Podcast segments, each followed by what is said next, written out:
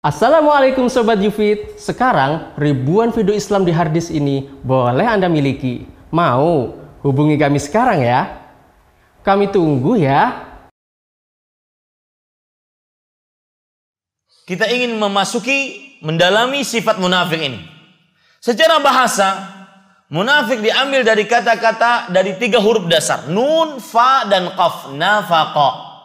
Nafaqa Artinya disebutkan di dalam kitab Lisanul Arab diambilkan dari kata as-sarabu fil ardi alladhi yustataru fih. Fata margana yang ada di atas bumi yang menutupi bumi tersebut. Anda lihat kalau seandainya kita berjalan di terik di bawah terik matahari, kita melihat di depan sana ada semacam fata morgana. Semacam ada air, tapi tatkala didatangi maka tidak ada. Ini yang disebut dengan munafik. Makanya secara bahasa arti munafik adalah inqita'u syai' wa. Terputusnya sesuatu dan hilangnya sesuatu tersebut. Di dalam bahasa di dalam arti bahasa yang lain ikhfa'u syai'in wa. Menyembunyikan dan menutupi sesuatu. Ini secara bahasa. Adapun secara istilah syar'i disebutkan oleh Ibnu Jurayj di dalam kitab tafsir Al-Qur'an Al-Azim disebutkan oleh Imam Al-Katsir perkataan Ibnu Jurayj al-munafiq yukhalifu qawlahu fi'lah wa sirruhu alaniyatah wa madkhaluhu mad makhrajah wa mashhaduhu maghibah. Orang munafik adalah orang yang Perkataannya menyelisihi ucapannya. Rahasianya hal-hal yang tersembunyinya menyelisihi perkara yang terang benderangnya. Sesuatu tempat masuknya menyelisihi tempat keluarnya. Kemudian yang nampak jelas menyelisihi yang tidak nampaknya. Inilah yang disebut dengan munafik. Dan ini pengertian munafik secara rosem, secara nilai atau secara potret. Anda kalau belajar bahasa kalau belajar usul fikih, di dalam usul fikih itu ada namanya pengertian at-ta'rif bil rosem dengan at-ta'rif bil had. Pengertian secara nilai dengan pengertian secara hakiki, secara definisi. Nah, yang kita sebutkan dari munafik adalah seorang yang ucapannya menyelisihi perkataan eh, menyelisihi perbuatannya kemudian rahasianya menyelisihi terang benderangnya tempat keluarnya menyelisihi tempat masuknya kemudian hal yang nampaknya menyelisihi hal yang tersembunyi darinya. Ini adalah pengertian munafik secara potret nilai.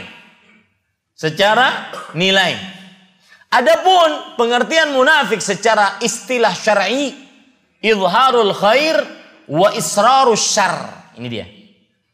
Memperlihatkan kebaikan dan menyembunyikan keburukan. Ini pengertian munafik secara istilah syar'i. Dan para ulama mengatakan, ulama usul fikih mengatakan, at-ta'rif bil had afdalu min at-ta'rif bil rasm. Pengertian secara hakikat secara definisi lebih utama dibandingkan pengertian secara potret ataupun nilai.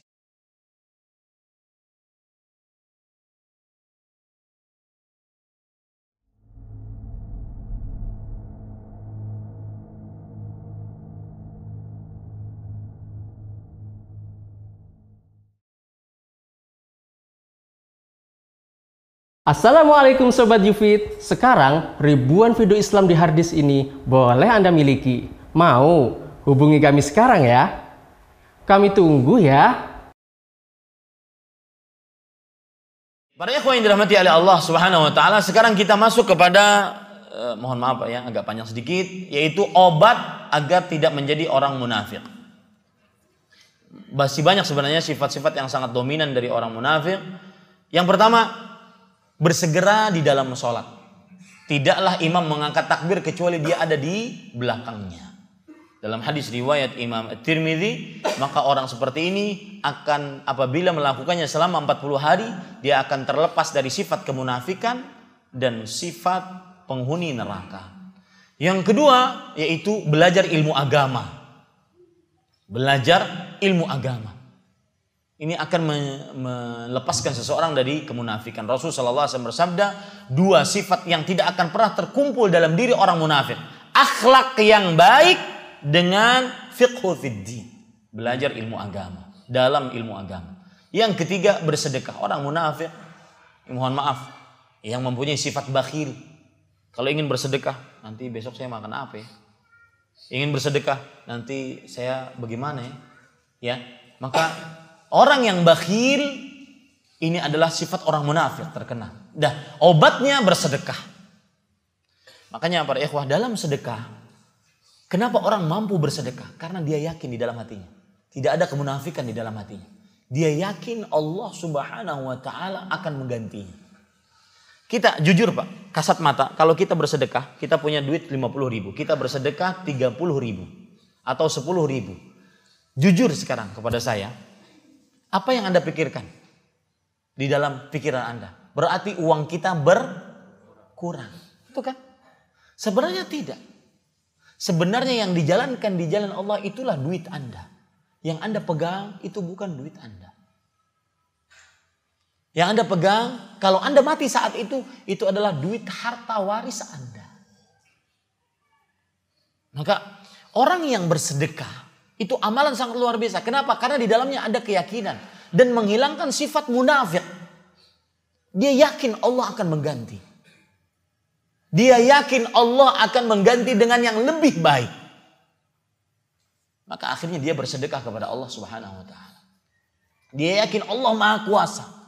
Maka coba lihat antum, surat Al-Baqarah ayat 154. Perintah untuk bersedekah. Ya ayyuhalladzina amanu anfiqu min thayyibati ma kasabtum. Wahai orang yang beriman, bersedekahlah kalian dari harta yang kalian dapatkan. Dari yang baik-baik. Kemudian dari ayat 155 sampai 160 ayat kursi. Kemudian cerita tentang Nabi Ibrahim berhadapan dengan seorang yang musyrik. Kemudian cerita tentang menghidupkan orang kembali. Kemudian cerita tentang Nabi Ibrahim minta diperlihatkan bagaimana Allah menghidupkan burung yang sudah mati. Empat burung disembelih kemudian dimix jadikan satu kemudian dilempar sana lempar sini lempar sini kemudian datang lagi burung tersebut.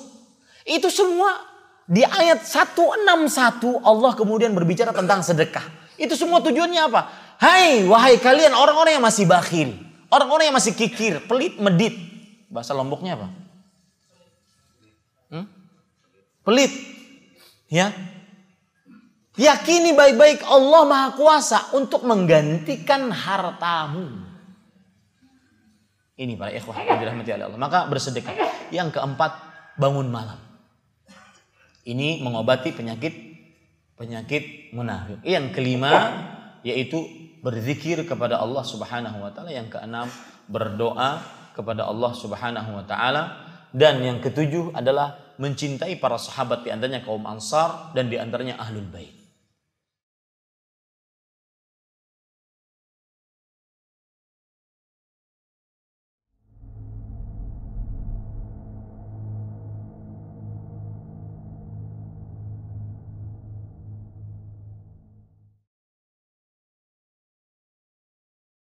Donasi dakwah Yufid.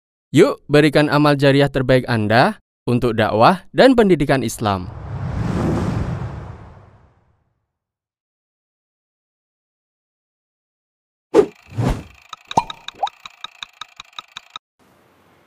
Apabila Allah persulit seseorang dalam kebaikan, itu artinya Allah persulit dia. Allah tidak menginginkan dia kebaikan. Sebagai contoh orang munafik ya. Nabi mengatakan dalam hadis, Sinfani la yajtami'ani fi munafiq. Dalam riwayat lain, khoslatani la tajtami'ani fi munafiq. Ada dua sifat, dua karakter yang tidak akan ada pada diri seorang munafik. Artinya berat mereka memiliki dua sifat ini. Apa itu? Fikhun fiddin atau tafakkuh fiddin wa husnus samtin. Mendalami agama dan memperbaiki akhlak. berakhlak mulia. Itu dua perkara yang paling berat untuk seorang munafik. Dipersulit sama Allah. Orang-orang yang ada di dalam hatinya benih-benih nifak dipersulit untuk dua hal ini. Yaitu sulit menuntut ilmu dan sulit untuk memperbaiki akhlak. Ya, untuk berakhlak mulia sangat sulit. Nah, itu artinya Allah tidak menghendaki kebaikan untuk untuk orang itu. Sebagaimana kata Nabi mayuridillahu bi khairan yufaqihu fiddin. Barang siapa yang Allah kehendaki baik atas seseorang maka Allah mudahkan dia di dalam menuntut ilmu a, agama. Ibnu Hajar al Asqalani mengatakan mafhum mukhalafahnya orang-orang yang Allah kehendaki buruk adalah orang-orang yang Allah jauhkan dia dari tafakuh fiddin. Ya dari mendalami agama. Wallahu a'lam bishawab. Tentu saja Allah mempersulit seorang hamba dalam kebaikan itu ada sebab-sebabnya. Enggak mungkin tanpa sebab. Sebabnya adalah hamba itu sendiri mungkin maksiat. Itulah yang mempersulit hamba itu di dalam kebaikan. Ya. Yaitu maasi. Sebagaimana dikatakan oleh Al-Imam Syafi'i, "Sa'altu ya ila waqin an su'i hifzi farsadani ila tarkil ma'asi." Aku bertanya kepada Imam Waqi tentang buruknya hafalanku. Dan Imam Imam Waqi Ibn al-Jarrah itu guru beliau mengatakan ya agar aku meninggalkan perbuatan dosa dan maksiat. Fa innal ilma nurun min ilahi. Wa, wa, wa nurullah la yutalil asi. Karena ilmu itu adalah cahaya anugerah dari Allah Subhanahu wa taala dan tidak akan diberikan kepada orang yang berbuat dosa dan maksiat. Wallahu alam bisawab.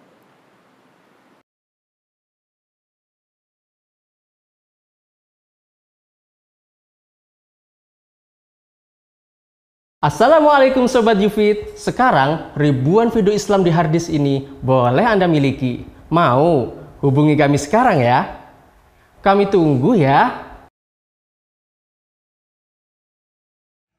Para ulama rahimahumullah setelah melakukan istiqra penelitian terhadap dalil-dalil dari Al-Quran dan hadis Rasul maka akhirnya menemukan dua jenis kemunafikan munafik yang pertama an-nifaqul asghar. Sebagaimana ada syirik asghar, maka di sana juga ada nifaqul asghar, kemunafikan kecil. Munafik yang kedua yaitu nifaqul akbar atau disebut dengan bahasa lain al an-nifaq al-i'tiqadi. Nifaq i'tiqad, nifaq yang besar. Nifaq sagir atau asghar disebut nifak amali. Apa arti nifak amali? Nifak amali adalah perhatikan tarkul muhafazati ala umuri din sirran wa mura'atuha alanan. Meninggalkan selalu penjagaan terhadap perkara-perkara agama tatkala sendirian. Tetapi selalu menjaganya kalau dilihat oleh orang banyak. Ini munafik amali namanya.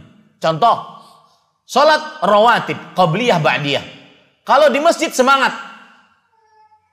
Tapi kalau seandainya dikerjakan di rumah, maka dia tidak pernah sholat sunnah di rumah. Tidak pernah tahajud, tidak pernah tawitir. Ini munafik. Kenapa? Karena dia menjaganya tatkala di hadapan orang banyak. Sedangkan meninggalkannya tatkala sendirian. Makanya Rasulullah SAW ingin mendidik kita agar kita terlepas dari orang munafik dan agar kita ikhlas beribadah kepada Allah. Dengan cara bagaimana? Beliau mengatakan afdalus salati ba'dal fariḍah fi baitihi illa al-maktubah. Afdalus salati fi baitihi illa al-maktubah. Hadis riwayat Bukhari. Seutama-utama salat seseorang di rumahnya Kecuali sholat wajib. Coba anda rasakan sholat qabliyah, ba'diyah di rumah. Itu kalau sudah sampai rumah, lepas peci, lepas baju, ya, lepas jenggot. Iya, susah. Di rumah susah. Maksud saya lepas jenggot, semuanya ditonton. Ya. Lupa yang disampaikan oleh Ustadz di Masjid Imam Syafi'i Karanganyar. Semuanya ditonton, sinetron, India he, nehi he, nehi he. Ya, ditonton. Jenggotan, jenggotmu ke mana? Kau nonton Mahabharata? Mana ini asar pengaruh dari jenggotnya ke mana? Nonton entertainment, gosip-gosip artis. Maka bersyukurlah yang tidak punya televisi di rumah. Ini para ikhwan. Ini namanya nifak amali. Apa pengertiannya? Meninggalkan perkara-perkara agama atau selalu meninggalkan perkara-perkara agama tatkala sendirian dan mengerjakannya tatkala di tengah orang banyak. Ya, hati-hati ini. Ini nifak amali atau nifakul asgar, nifak kecil, nifak amal. Contohnya uh, uh, nifak i'tiqadi, nifakul akbar adalah an yudhhiral Islam wa yubtinul kufur. Memperlihatkan keislaman dan menyembunyikan kekafiran. Nah, ini bedanya. Nifak asgar dengan nifak akbar. Nifak amali dengan nifak i'tiqadi. Siapa yang bernifak i'tiqadi atau nifak akbar ini? Mereka lah orang-orang munafik di zaman Rasul sallallahu alaihi wasallam. Yang sering mencela Rasulullah sallallahu alaihi wasallam dan para sahabatnya. Seperti mereka mereka mengatakan, kami tidak pernah melihat orang yang buncit perutnya sering banyak makan, tapi suka dusta dan paling pengecut ketika bertemu dengan musuh. Itu seperti orang-orang ahli baca Quran kita ini. Menuduh Nabi dan para sahabatnya. Ini mereka nifak i'tiqadi. Ini mereka nifak akbar. Dan hampir semua ayat-ayat dalam Al-Quran menunjukkan kata munafik, munafik i'tiqadi, munafik akbar. Seperti misalkan Allah Subhanahu wa taala berfirman di dalam Al-Qur'an, sesungguhnya orang-orang munafik di dalam kerak api neraka yang paling dalam. Surat An-Nisa surat keempat ayat 145. Di dalam dasar neraka yang paling dalam. Ini adalah orang-orang munafik i'tiqadi. Keyakinan. Karena tidak mungkin mereka akan selama-lamanya di dalam neraka kalau seandainya hanya melakukan maksiat. Karena keyakinan ahlu sunnati wal jamaah, orang yang bermaksiat, dia tetap akan keluar dari api nerakanya Allah subhanahu wa ta'ala. Sebagaimana yang kita pelajari tadi malam. Orang yang paling terakhir keluar dari api neraka, yaitu seorang laki-laki yang keluar dalam keadaan merangkak. Kenapa dia dikeluarkan? Ada semacam biji sawi dari kebaikan, seberat biji sawi dari keimanan. Maka dia pasti keluar dari api neraka. Nah orang munafik tidak akan pernah keluar dari api neraka yang dimaksud adalah munafik i'tiqadi munafik akbar yang mengatakan saya muslim tetapi hatinya kafir